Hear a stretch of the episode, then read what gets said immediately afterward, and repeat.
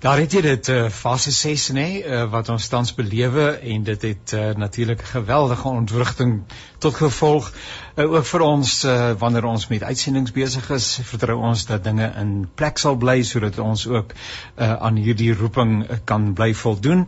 Ek is baie dankbaar vir DK uh, wat vir ons help met die tegniese versorging en seker maak dat ons op die lug bly. So baie baie dankie DK ook. En dan is daar die hoë brandstofpryse en daar is politieke onstuimigheid. Mense, dom, dis 'n interessante wêreld waarbinne ons onsself bevind. En uh, dis te midde van so 'n konteks dat ek jou verwelkom uh, hier by die senders van 'n uh, Radio Kansel. Hierdie program se naam is Perspektief. My naam is Janie Pelser. Ons gesels heerlik saam oor die dinge wat die leefwêreld van Christene raak, die dinge wat ek genoem het, die dinge wat in die nuus genoem word, die dinge wat ons in die media raakloop. Uh, raak ons op een of ander wyse. Daar's nie 'n manier wat ons onsself daarvan sommer net kan uh, vrywaar nie. En uh, dan het 'n mens natuurlik die belangrike vraag, maar hoe orienteer jy jouself te midde van so 'n wêreld uh, as Christen gelowige? En uh, dis die dinge waaroor ons met mekaar saamgesels. Baie baie dankie dat jy ingeskakel is. Uh, die perspektiewe wat uitgespreek word, is nie noodwendig die van Radio Kansel nie, maar is ter wille van inligting sodat ons elkeen en ook jy as luisteraar ingeligte besluite uh, kan maak natuurlik. En dan is ons programme beskikbaar as potgooi. Jy kan na Perspektief gaan op Radio Kansel www.radiokansel.co.za Perspektief en uh, daar kan jy ook weer 'n keer luister na die program. Dis my sommer baie baie aangenaam uh om drie gaste vandag by ons te verwelkom. Ons begin met uh, Sanet Maronsela and uh, Sanet is uh, with the with UNISA uh and uh, it's a wonderful privilege to speak to her. We have uh, encountered one another before and it's always a, a wonderful uh, uh and uh, enlightening experience. She's with UNISA, Department of uh, Political Science. Uh Sanet, you can put on your camera and also your uh, microphone then I can see you and hear you. Um, I wonder whether Sanet is there. Uh, Sanet? Um, good morning, and thank you so much for having me. I unfortunately have scheduled load shedding, so I'm using a mobile device. So I'll be able to participate, but I unfortunately won't be able to switch my camera on. I'm just very happy that we have you. Thank you so much, Sanet. Thank you for making the time. Now, in the recent past, the 65th uh, anniversary of the Freedom Charter uh, was commemorated. Uh, and uh, is joining us in the studio to enlighten listeners, uh, yes, and myself on the relevance of this particular document for us living in South Africa in the year 2022. So thank you once again, Sanet. Please uh, help us a little bit with the background to this document and why it is important. Um, thanks so much again. Well, the Freedom Charter is quite an important document. It was basically um, one of the documents that were drafted during the Defiance campaign in 1952 when the ANC mobilized thousands of citizens to protest the unjust laws set by the apartheid government. So during this campaign, they needed a document that would spell out what the people wanted and represent a transition from protest to an envisioned change. So the Freedom Charter was then eventually adopted on the 26th of June in 1955 at a gathering in Kliptown, Soweto. And basically what the document demanded or requested or envisioned was a multiracial, democratically elected government, equal opportunities, uh, the nationalization of banks, mines, heavy industries, and the redistribution of land. Uh, so that's a very important document. And then I must say that um, I don't think that many people are so aware of the document. It's only when something like this is uh, commemorated then you, that you become aware of it uh, and that you wonder about the relevance, but it easily just goes into the background. That's honestly so true. So this particular document is important because many regard it as the founding document for democratic South Africa. It's arguably the basis for the Bill of Rights, which was included in the 1996 constitution. And it includes phrases like, we the people of South Africa declare um, for all like of the world that basically South Africa belongs to everybody who lives in it. It um, has phrases like the people shall govern and so on. Uh, so when you take the what is envisioned in the document, a uh, Senet, uh, wonderful ideas and wonderful ideals.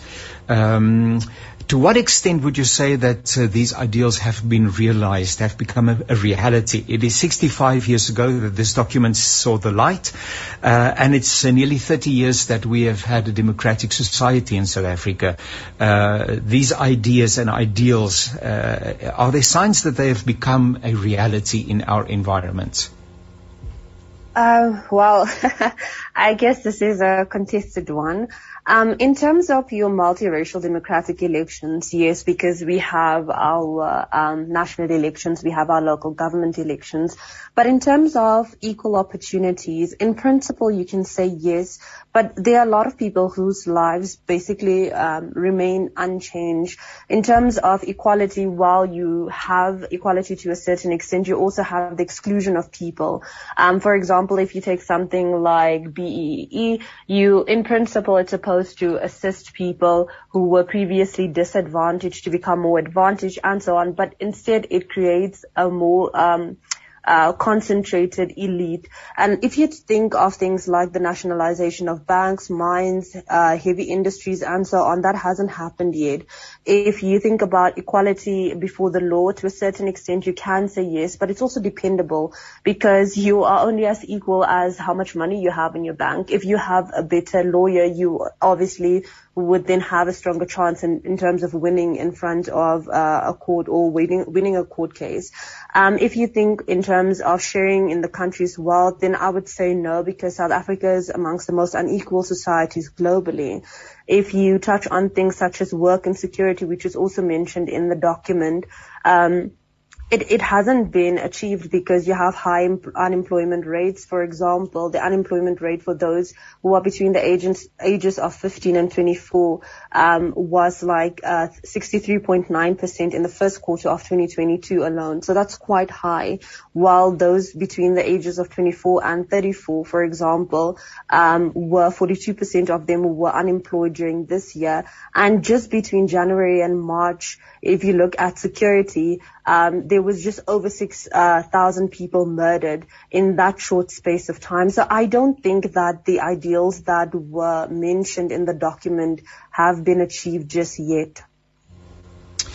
It also depends on which side of the spectrum you find yourself. Not so, because if you speak of nationalization, for instance, of banks or the mines, etc., that is something that many people would would not be feel comfortable with. Uh, another issue that at the moment still causes a lot of uncertainty is the whole uh, redistribution of land. So again, once again, it depends on on which side of the spectrum you find yourself. Uh, that would also determine uh, how you value or how you look at this particular document document and the ideals that are expressed in it? Um, that is certainly uh, true. Um, because especially if you look at the land issue, it's not about, I don't think people are opposed to the redistribution of land. I think that people are opposed to the redistribution of land without compensation because you are essentially asking someone to give up land. And as you rightfully mentioned, there are multiple views in terms of this particular issue. There will be people who said we bought the land. There are people who feel like the land was taken away from them. So I think that that is like quite a heavy, um, I think that that is like quite a heavy issue that still needs to be addressed. And I think that hopefully within time that we can find common ground. But I do think like if you look at other things that are mentioned in the document, such as they want to have a united uh, South Africa, I, I don't think that that's necessarily true. I think that to a certain extent there is still an element of polarization. Uh, they mention a non-racial, non-sexist uh, like South Africa, while that is uh, like like while progress has been made, I think that there is much more that can be done because you still have people being discriminated on on the basis of their gender, on the basis of the sex that they uh, identify with. But you also have things like homophobia, transphobia. But now you also have things where people who are heterosexual are being accused of being homosexual just because they are heterosexual. And then if you look at things mentioned in the document in terms of prosperity, I don't think that has been achieved either because of our deteriorating macroeconomic outlook. You have an increase in inflation. And just a few minutes ago, we mentioned like the increase in fuel prices, we have rotational blackouts and so on. So I, I think that much more can be done. Um, and I do think that while there may be, um, contestable issues within the document, such as the land issue. Um, there are other things that could be quite helpful to the society as a whole. It's interesting when you mention these things, Annette. Uh, uh, just yesterday, uh, stage six load shedding was announced, and that is a reality at the moment. Uh, in the news that you heard at the beginning of the program, the fuel prices that are going up. Uh, looking at the ideals expressed in this particular document, a united South Africa, democratic, non-racial, non-sexist, prosperous, uh, thinking especially of people that are ma- marginalized and so on. It's, it's difficult, but it's important to also be appreciative of what has been done because uh, uh, 25, 30 years on the other side of a democratic society, quite a number of things have been achieved. But isn't it the human thing that uh, we would also always rather look at the, what is negative and what has not been attained instead of saying, but listen, there are some things. I mean, the international world has opened up to us uh, and a lot of other things that are that can be appreciated. Um, I believe that you're right. I believe that we have uh, more access to education where people can study in the languages of their choice, which is obviously great. But if you are a pessimist, then you would focus on the quality of the education you have healthcare being more accessible to people, but like then you have your pessimist who would more focus on the fact that the quality of the healthcare has deteriorated.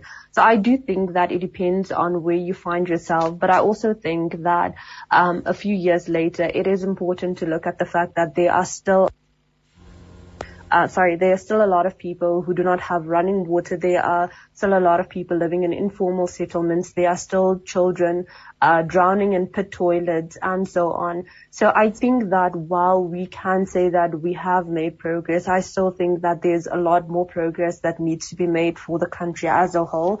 And I think that um, it depends on where you find yourself. Whereas one person might say might say my situation is better than it was.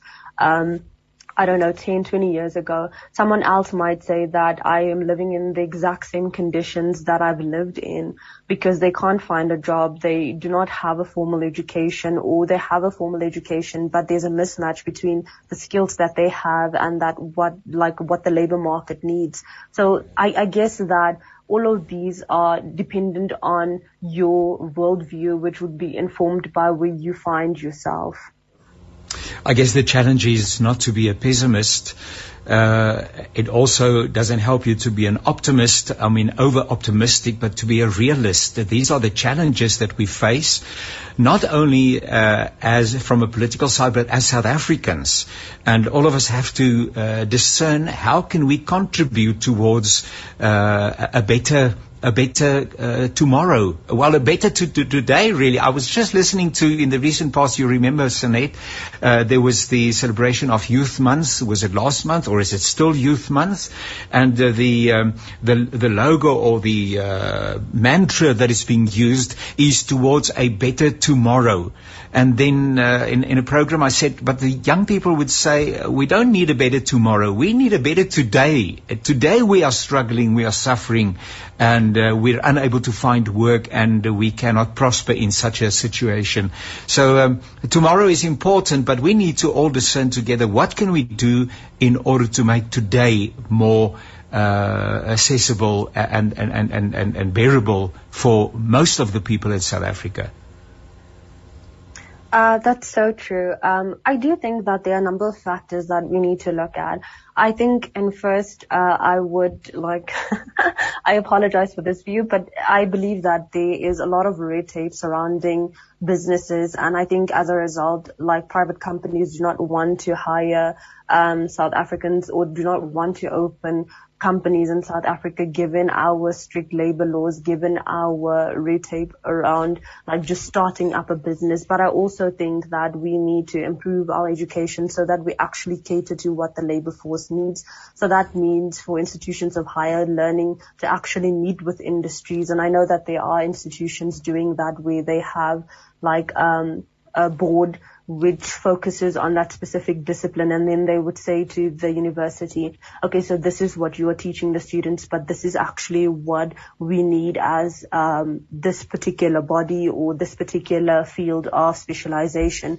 But I also think that um, it's just about getting the little things right. I think it's just about improving our service delivery. It's about ensuring that we actually cater for the needs of people, especially those who are marginalized and quite fragile and can't take care of themselves, given our uh, deep political cleavages and the socioeconomic challenges that we face as a country. But I, I do think that there's a lot that needs to be done. I think that government knows what needs to be done. There have been multiple discussions with different stakeholders. There have been multiple policy documents written. So I think that we just need to move past political rhetoric and like all of this, um, saying this is what we're going to do and actually focus on implementation. Because I think South Africa as a country has excellent policies, um, which are drafted by your different or your various political parties. You have NGOs and so on drafting excellent policy documents or having excellent policy implement, um, proposals. But I think the problem comes when it comes down to implementation. So I would then stress on focusing on what we need as a country and then implementing those policies uh, effectively. Just getting back to the Freedom Charter, is the Freedom Charter and the uh, ANC, uh, uh, is, the, is, is that one, you, you, mentioned that in one breath, or is this a document that is underwritten uh, and appreciated and whatever by other political uh, parties and affiliations, or is this an ANC uh, document?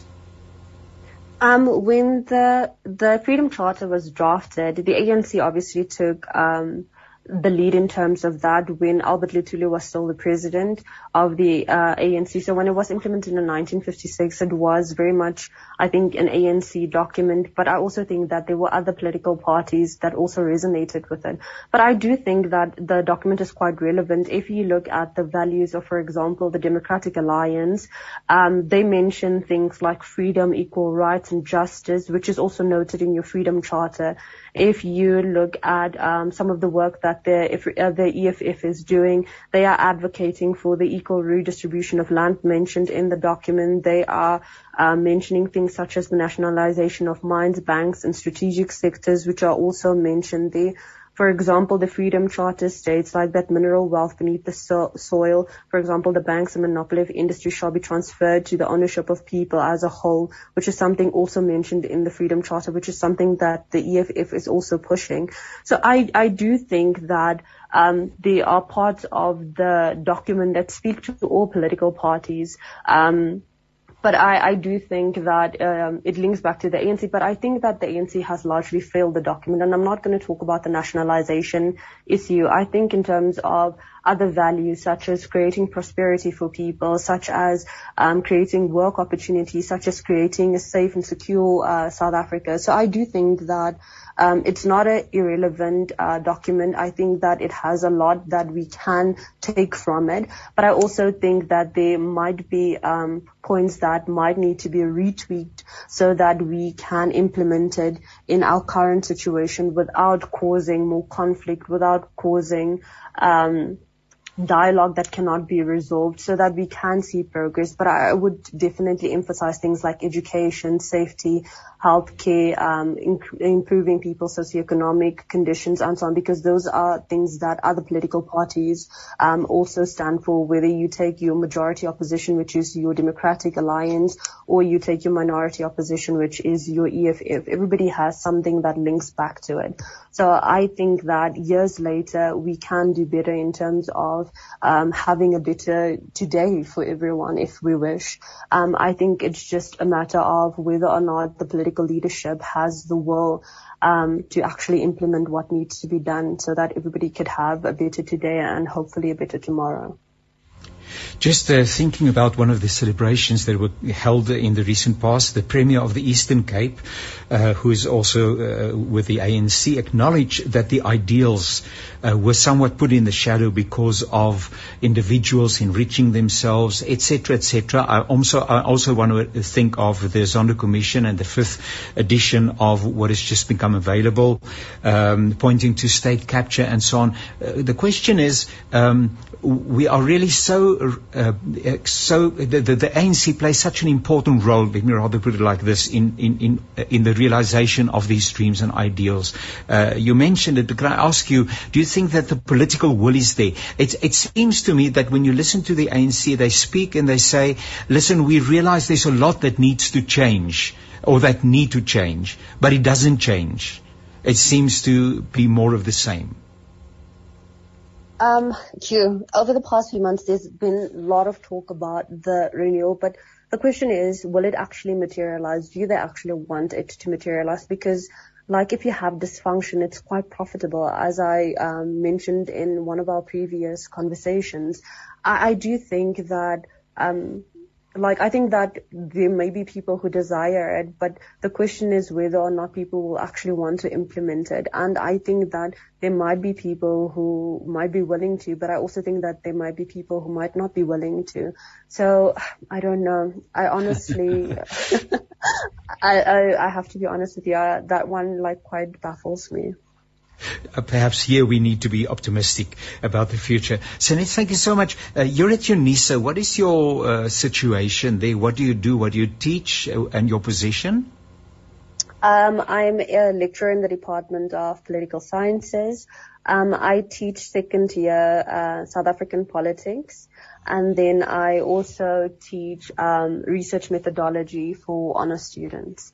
So and that's you, what I do and you enjoy what you do because the political scene, especially in South Africa, is so dynamic. Uh, it must be a really satisfying experience to be part of this very dynamic process that's happening in South Africa. It really is. I what is especially nice about the South African politics module, it is people's lived realities. So sometimes students have to study things that are abstract, things that they don't live. But if you, for example, are a lecturer teaching South African politics and you mention the concept trias politica, which is the separation of powers, and taking into consideration the recent discussion in terms of uh, the Zondo Commission and so on, students actually follow the news. Students actually want to engage in these issues. So it, it makes it quite exciting, but it's also great to actually touch on issues affecting our country. Sanet, thank you so much for uh, speaking to you. We're going to do it in, again in the near future. I enjoy and uh, appreciate the time with you and the insights that you've been sharing with us. May you have a wonderful day, and uh, thank you once again for making the time to uh, to interact with us here at Radio Pulpit. Thank you so much for having me. Have a great day. Take care. Thank you so much. Goodbye. That is Annette Madunsela. She's with UNISA, and uh, she has shared with us uh, the relevance of the so-called Freedom Charter. It is the 65th year uh, that is being commemorated since this particular document um, came into being, and then uh, naturally the important question whether the ideals that have been expressed and wonderful ideals, uh, united, democratic, non-racial, non-sexist, and prosperous South Africa, to what extent those ideals have been realized and has become a reality uh, in South Africa. Nevertheless, uh, let's just listen to some music. New Horizon by Midpoint Worship, and it would be wonderful just to be enriched by this music as well. One vision, one voice, one message. Radio Pulpit 657 AM and 729 Cape Pulpit, impacting lives from Gauteng to the Cape. Nou ja, wonderlik ons luister die programme van uh, Radio Kansel. Hierdie program se naam is Perspektief en uh, ek sê baie dankie aan uh, ons vorige gas. Ons het heerlik gesels oor die Freedom Charter en uh, nou uh, gaan ons gesels met uh, Dr Rita Knoetse en ek is so bly dat sy uh, vandag hier by ons inskakel. Dit is die eerste keer dat ons kuier uh, prof uh, of Dr Rita. Um, ek weet ook nie is hy dokter, is hy professor, professor dokter, help vir ons asseblief. Goeiemôre. Baie dankie vir die geleentheid. Ek is professor ook, ja, maar sommer net Rita of dan nou een van die twee titels net asseblief nooit professor dokter nie. Dit klink te geleerd en te ingewikkeld. So ja, of dis professor of dis dokter, maar ek verkies sommer ook net Rita asseblief. Dankie. Nou Rita, baie dankie dat ek so vir jou kan uh, op op die naam sê, maar nietemin dit is uh, professor Rita uh Knoetse en ons gesels so 'n bietjie met mekaar vandag uh oor 'n uh, sak, maar voordat ek dit nou net uh daarom aan die orde stel uh, prof Rita, uh, uh, daai uh, belangstelling werkingsveld van u naamlik uh, die berading en die omgee vir ander mense. Waar kom dit vandaan? Want dit is seker nie altyd lekker om na ander mense se kla en hartseer en goeters te luister nie. Ek wil nou amper maar lag en sê ja, dit is nie altyd lekker nie, maar as dit 'n mens se bediening is, dan is dit lekker. Dit het gekom by seker maar toe ek gebore is, dink ek, in die ou jare al. My pa wou gehad het ek moet 'n apteker word en toe sê ek vir hom nee nee nee, ek gaan 'n maatskaplike werker word want ek wil graag met mense werk. En ja. sedert 1974 is ek in die praktyk en daar is daar wat 'n mens moedeloos raak en jy kry mense jammer en jy word ook maar kwaad van en dis hoekom vandag se tema ook baie relevant ook vir terapeute is want ons kan ook maar kwaad word en ons kan ook maar opbottel wat nie moet gebeur nie. Maar my liefde vir mense is nog al jare daar. Ek het as maatskaplike werker begin werk en uit dit uit het ek besef maar daar's baie meer wat ons moet gee. Nie net dit nie. So ek het my vader toegerus aan gesondheidsorg alternatief uh toegerus aan bedieningskunde. Ek is georden as 'n pastoor op 'n stadium. So ek bedien die hele gees, siel, liggaam konsep en dis vir my lekker. Soos maar met enige kind, ek sê baie keer vir my kliënte, hulle is net so stout kinders. Hulle wil maar nie luister as 'n mens praat nie en dan ja. kan mens hulle maar hard aanspreek. Die ander kant is ook waar ons doen ook opleiding in al hierdie rigtings. Dan sal ek weer vir die studente sê, onthou met passie moet ons na mense siel kyk want dis verskriklik belangrik. Vir my gaan die siel oor die kern En dan sal baie mense vir my sê maar wat van die geestelike lewe? Dan sê ek presies dit ook. Want ja. as mens die driehoek vorm van gees, siel en liggaam, dan moet ons mos eers ons onderste basis gesond kry. Wat dan nou die siel is? En die siel vir my is 50% emosies, 25% jou denke en 25% hoe jy optree. So emosies speel 'n verskriklike belangrike rol. En ek het dit besef seker maklik hier in my vroeë 20's toe ek uh, nog uh, as maatskaplike werker gefunksioneer het. Vandag is ek in my eie privaat praktyk en ek sê altyd ek weet nie wat ek sit verskillende hoede op op gesondheid of berading of maatskaplike werk wat ook al, maar die passie vir die mense is daar en jou siel moet gevoed word. Want vir my gaan dit oor as ons nou nou 'n bietjie verder gaan praat oor die, die tema van die woede wat 'n baie baie belangrike emosie is, gaan dit oor hoe deel jy met jou emosies en omdat dit 50% van die sielsvoeding maak, nou as dit gesond is, dan is die versterking na die geestelike vlak wat my betref ook gesond. En die invalshoek wat ek nou kyk is om 'n mens so toe te rus dat hy daai vaardigheid het om dan nou wanneer daar enige emosionele situasie kom, dit reg te bestuur want 'n emosie is 'n keuse en ek sal graag nou-nou 'n bietjie ses van hulle wil uitlig waarvan woede nou die tema is en as ek sê uitlig is dit maar net noem so mens ja. moet jou emosies leer om dit te bestuur want as jy dit verkeerd bestuur wil ek sê dan het mens maar baie dingetjies wat kan hak en dit ja. maak dat ons kyk na regte bestuur van emosies ons kies tog maak dat 'n mens daai beheer in jou binnekant kry wat jou geestelike lewe outomaties dan versterk. So dis maar 'n bietjie van waar my passie vandaan kom. En so staan ek maar met een been in die praktyk en een been in opleiding en sê ek ek raak nou oud vir hierdie bedryf. So mens kan graag bietjie uitbeweeg, maar mens doen mos maar nie. Dis hom ons maar aan. Nou ja, daar's niks van oud nie wat ek sien vir u hier op die skerm. Ons luisteraars hoor nou net die klankgreep, uh, maar ek sien vir jou hier op die skerm en daar's niks van oud nie, maar uh, Profeta baie dankie vir daai uh, uh, belangrike inligting wat jy gee. Net wanneer dit by uh, uh, ek kan myself aanvaar as 'n denkende wese en as 'n handelende wese, maar uh, baie mense is ongemaklik met die emosies en ehm um, as ek nou maar dink aan die manier waarop ons groot geword het, seuns huil nie. Uh nee, so jy moet met ander daai emosie van hartseer en van wat wat dit ook al mag wees, die moet jy nou nek omdraai. Moenie so 'n 'n sissie wees nie. Ehm um, ook rondom woede byvoorbeeld. Ek onthou in die die, die ouer mense het mos maar gewerk met die verwysingsraamwerk wat hulle gehad het, maar ehm um, ek het eendag my meer verloor as kind en ek het pak slag gekry omdat my ma gesê het mens verloor nie hoe jy meer nie uh, nou vandag weet ek as sy my begelei het om te verstaan wat 'n rol uh, woede byvoorbeeld speel uh so so uh kan ons bietjie iets sê oor hierdie hierdie uh, onbehaaf wat mense met hulle emosionele uh, menswees het en dat hulle uh, sukkel om daarmee te werk en dat daar ook 'n klomp ja ehm um, uh negatiewe dinge daaraan gekoppel is as jy jou emosies op die tafel sou bring. Ek is bly raak dit so aan want wat gebeur is van jongs af leer ons nie om ons emosies te mag uitspreek nie.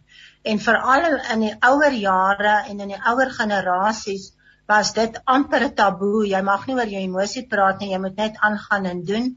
En dis soos wat jy ook sê, die 'n man mag nie huil nie of ons sê altyd cowboys don't cry en ek sê dit hulle kraai maar hulle kraai binnekant toe en dis ja. waar mense weer ook die gestie liggaam siek maak die beheer van 'n emosie is in die hande van die persoon so ek sê altyd die om die beheer te kry moet jy verstaan waaroor emosies gaan en ja. emosionele ons noem dit sommer 'n default gedrag ek weet nie wat is nou die default in, in ja. Afrikaans nie waarvan ja, ja. dan jy gaan vertrek vorm juis van geboorte tot 13 jaar.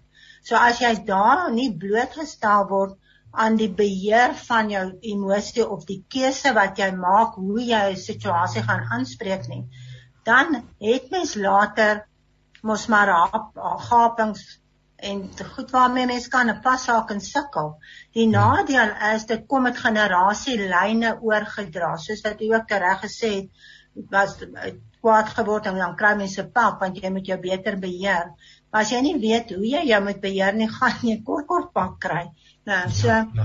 en so sien jy oupa grootjie was kwaad en en pa kwaad en oupa kwaad en die een is kwaad en dan kom dit die generasie lyne af. En dan moet 'n mens maar versigtig wees dat jy dit nie ook oordra nie. Ja, want ja, ja. wat sien 'n kind in daai ouderdomsjare is die emosies wat die ouer uit uitleef of oordra. So dit is nogal belangrik. Ongelukkig is mense vind ek, dit is my siening, maar baie bang vir emosies. Hulle wil nie daar gaan nie. Hulle wil nie met emosie deel nie. Nou in my praktyk sê ek altyd daar's niks quick fixer nie. As jy 'n ja. uh, gewortelde trauma het in jou jonger vormingsjare, dan moet ons dit met 'n proses hanteer sodat ons dit uit die uit die selle kry want die sel het ook 'n geheue wat vashou en daar's maar baie goed want as ons kyk na die emosies en ons vat woede per se waaroor die tema nou gaan vandag dan haak hy vas op 'n sekere situasie wat ons 'n gekristalliseerde situasie noem en dit is gewoonlik waar daar baie hartseer en pyn is en die persoon probeer dit voorkom om nie weer aan daai soortgelyke emosie blootgestel te wees nie. So dan leer hulle gedrag aan wat dit vir hulle gemaklik maak om 'n ongemaklike situasie mee te kan deel in plaas van om met die ongemaklike situasie dan nou eintlik direk te deel. So dis maar vaardighede. Ehm um, en as 'n mens oplees en soos wat ek vir gesê het in die voorbereidende gesprekke, is daar baie sieninge en baie skrywers oor woede en daar's baie soorte woede. My siening is jy kry net twee soorte. Hy's of beheers of hy's onbeheers. En ja, as ons ja. daarna gaan kyk, dan is dit die eerste vraag wat 'n mens baie keer hoor of as mens vra die antwoorde is word jy ooit kwaad? Dan sal mense vir my sê nee, ek word glad nie kwaad nie. Dan ja. sê ek maar goed, dan is dit vir my klare onderdrukking van jou kwaad.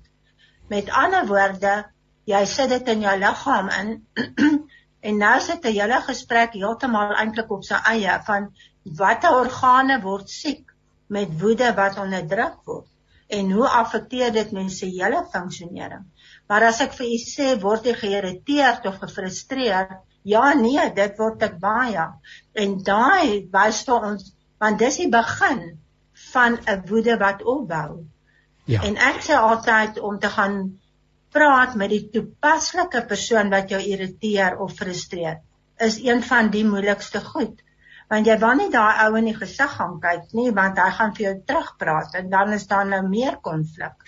Jy sal liewer by 'n familielid 'n vriend of wat gaan in aanhalingstekens skinder oor daai een wat jou nou so omgekrap het. Ja, so ja. daarom sê ek mens moet maar die beheer kan neem en dan kyk ons hoe lê dit in verband of in verhouding met die vyf ander emosies wat dan insluit liefde, jou smart of jou rou emosies, jou vreugde, jou vrees, jou vertroue, jou angstigheid, al daai tipe goed maak ook dat 'n mens baie maal woede opbou.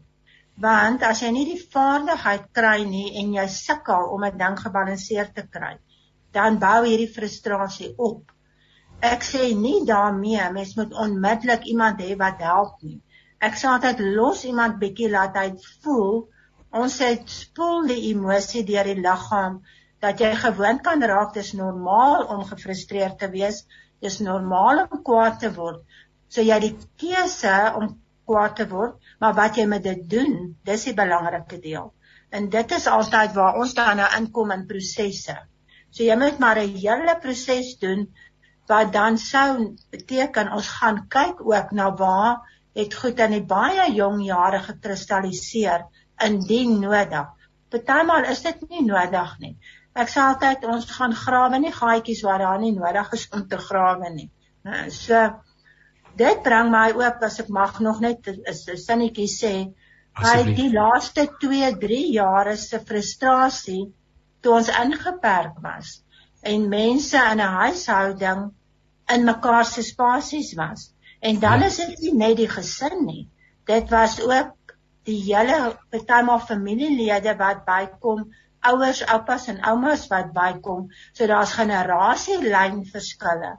En ek sien dit in die praktyk hoe mense ek wil nou amper die woord uithak gebruik want ja. hulle kan nie daarmee deel nie want ewe skielik is hier meer mense in jou huishouding verskywings moes gedoen word om mense te kan akkommodeer so jong kinders tieners volwassenes en dan die ouer mense moet nou 'n nuwe meganisme kry om te kan funksioneer en daai emosies wat opbou is wat my betref onsuksesvol dan bestuur.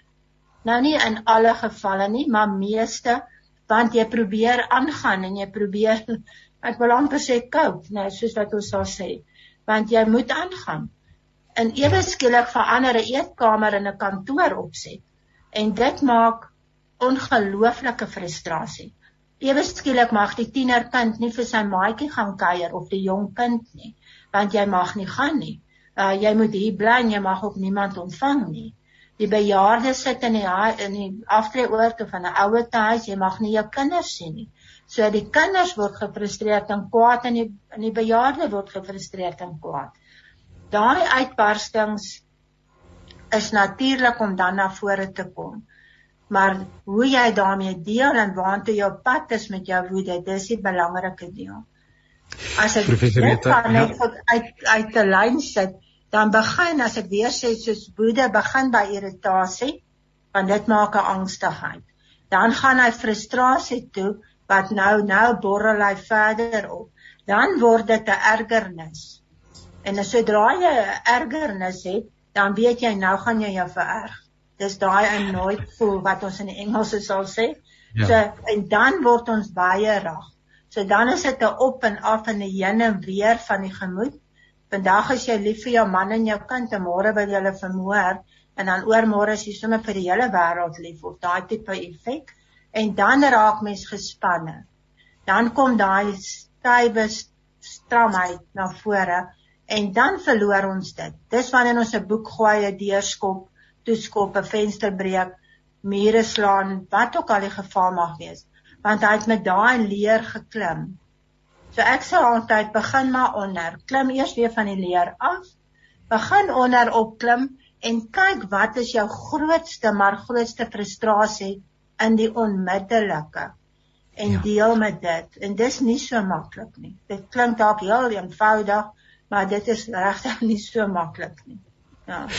Professor Rita, ek kan sommer hoor dat ons het nou net hier 'n bietjie gekrap waar dit juk en ons sal nog baie lank moet gesels uh, en dit is ook die eerste keer dat ek eintlik hoor hoe dat iemand die woede 'n uh, bietjie ehm um, unpack die verskillende momente daarvan wat sekerlik in 'n hoë mate ook saamval maar uh dat 'n ou dit ook en ek dink u beskryf uh as ek nou kyk na die media en ek kyk na my eie lewe en die van mense met wie ek skouers skuur dan beskryf ons 'n baie groot persentasie van die Suid-Afrikaanse samelewing. So ons moet asseblief weer kuier. Ek tref met u 'n reëling, maar baie dankie dat ons net hierdie aanvanklike gesprek met mekaar kon gehad het. Uh, mag jy 'n wonderlike dag hê en ek is so bly dat ons met mekaar skouer geskuur het. Baie dankie vir die geleentheid weer eens en ek kuier graag weer lekker saam. So gesels professor Rita Knoetse en sy's verbonde aan Unisa en uh ai dis hom lekker om met mense te gesels wat weet nê. En uh, nou het ek die voorreg om met nog iemand te gesels wat weet en dit is Gert van der Westhuizen en hy is by Netwerk 24 en uh, julle lees sy berigte en sy artikels op 'n baie gereelde basis. Gert, goeiedag. Ek sien nog nie vir jou nie. Uh as jy sigbaar is en jy kan daai mikrofoontjie daar sy. Nou sien ek jou. Uh Gert, hoe gaan dit met jou vandag? Ag Janie, dit gaan dit gaan heel goed, dankie. Mense het seker nie rede om te kla nie. Daar's so baie goed waaroor 'n mens kan kla, maar mens wil liewers nie en met jou. Ja, dit gaan goed en lekker interessante dinge wat Rita genoem het nie waar nie. As 'n mens nou dink vanuit jou posisie as joernalis en jy beskryf eintlik hoe dat woede uh, onder andere in die samelewing uh, gekonkretiseer word. Natuurlik Jannie, daar's geweldig baie woede in ons samelewing, maar jy wou my nie gesien het toe die sondeverslag verlede week laat was op wat ek geword nie.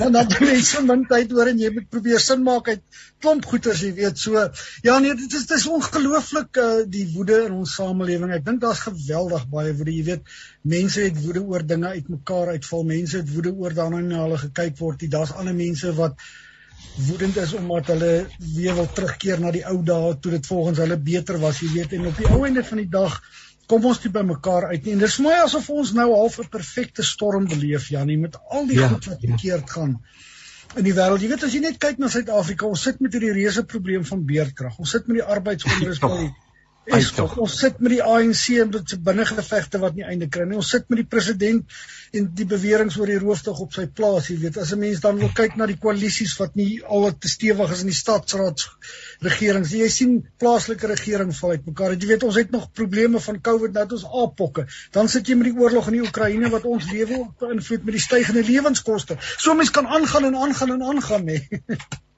Dit is dit is absoluut baie baie uitdagend. Ehm um, ek het uh, dis nou interessant hoe die program nou so lekker saamhang want ek het begin met uh, die met gesels met uh, Sanet ehm um, Maronsela wat by Universiteit van Suid-Afrika by politieke wetenskap is en ehm um, of wat die vakrigting ook al daar mag wees en ons het gepraat oor die ehm um, en jy dalk ook daaroor berig oor die uh, Vryheidsmanifest wat nou hierdie jaar 65 jaar oud is en die ideale wat daarin uitgespreek word. Ek kyk nou maar net hier uh, naamlik a united democratic non-racial non-sexist and prosperous South Africa.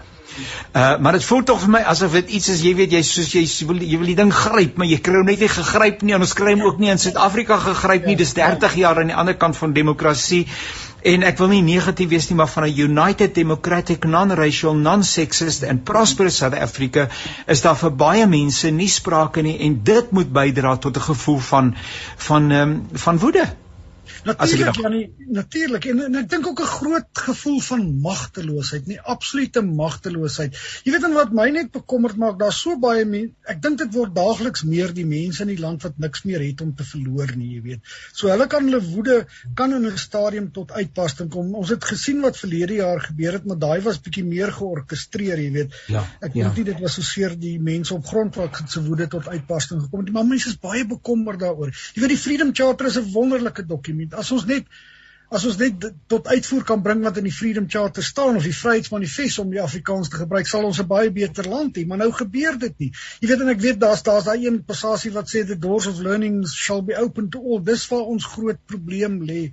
Ons lewe ja. ons onderwysstelsel, ons kan nie so aangaan nie. Iemand stuur gister vir my hierdie as ons vir 'n oombliekie bietjie kan kuier by ons goeie buurman Eskom. Uh en en en, en uh, soos my kleinkind sê, hy het alweer die knoppie afgesit. Uh nou my kleinseun, maar uh, Eskom was uh, teen einde 1990 so suksesvol, hy het meer as die helfte van Afrika se krag opgewek. Uh nou dit dit iemand my aangestuur. Ek vermoed dis dis nie onwaar nie. Teen 94 het hy elektrisiteit gelewer teen die laagste prys ter wêreld.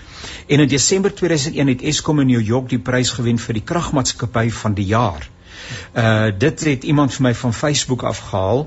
Ehm um, nou nou in watter mate dit nou heeltemal geloofwaardig is, weet ek nie, maar ehm um, Gert ek dink wat bydra tot 'n ou se gevoel van totale magteloosheid is byvoorbeeld wat nou onder andere aanleiding gegee het tot hierdie uh, fase 6 waarin ons osself tans bevind, ja. naamlik die loononderhandelinge wat in sigself uh, onregmatig is omdat dit 'n noodsaaklike diens is en dan die verwoesting en die intimidasie wat daarmee gepaard gaan. Nou vra ou jouself maar maar uh, watse tipe mense het ons dan nou mee te doen? Ekskuus Gert, ek wil nie lelik en krities wees nie. Ek verstaan uh, die lewe is duur, maar mensdom om dan nou bestuur en ander uh, te gaan intimideer en uh, petrolbomme na huise te gooi en, en die kragsentrale te saboteer. Hier is iets dramaties fout in ons samelewing.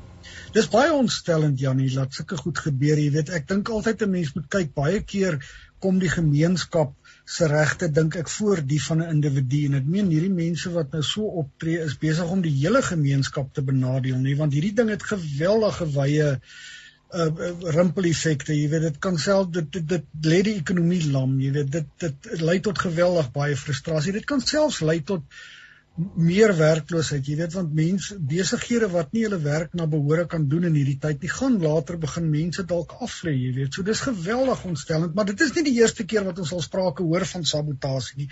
Daar is al sprake gewees van sabotasie by Eskom dalk minder uh openlik as wat nou gebeur, jy weet, en, en dit kom dit bring ons weer terug by al die probleme waarmee ons sit na die Jacob Zuma era, jy weet, vir ons wetstoepassingsagentskappe wat basies verlam is, jy weet. Ons ons het nou onlangs ook al baie gelees oor die geweldige probleme in ons polisie, jy weet. En en daar is so baie wat reggemaak moet word in die land, jy weet. En ons sal een of ander tyd moet begin om dit te doen want hoe langer jy wag, hoe moeiliker gaan dit wees om alles weer reg te maak.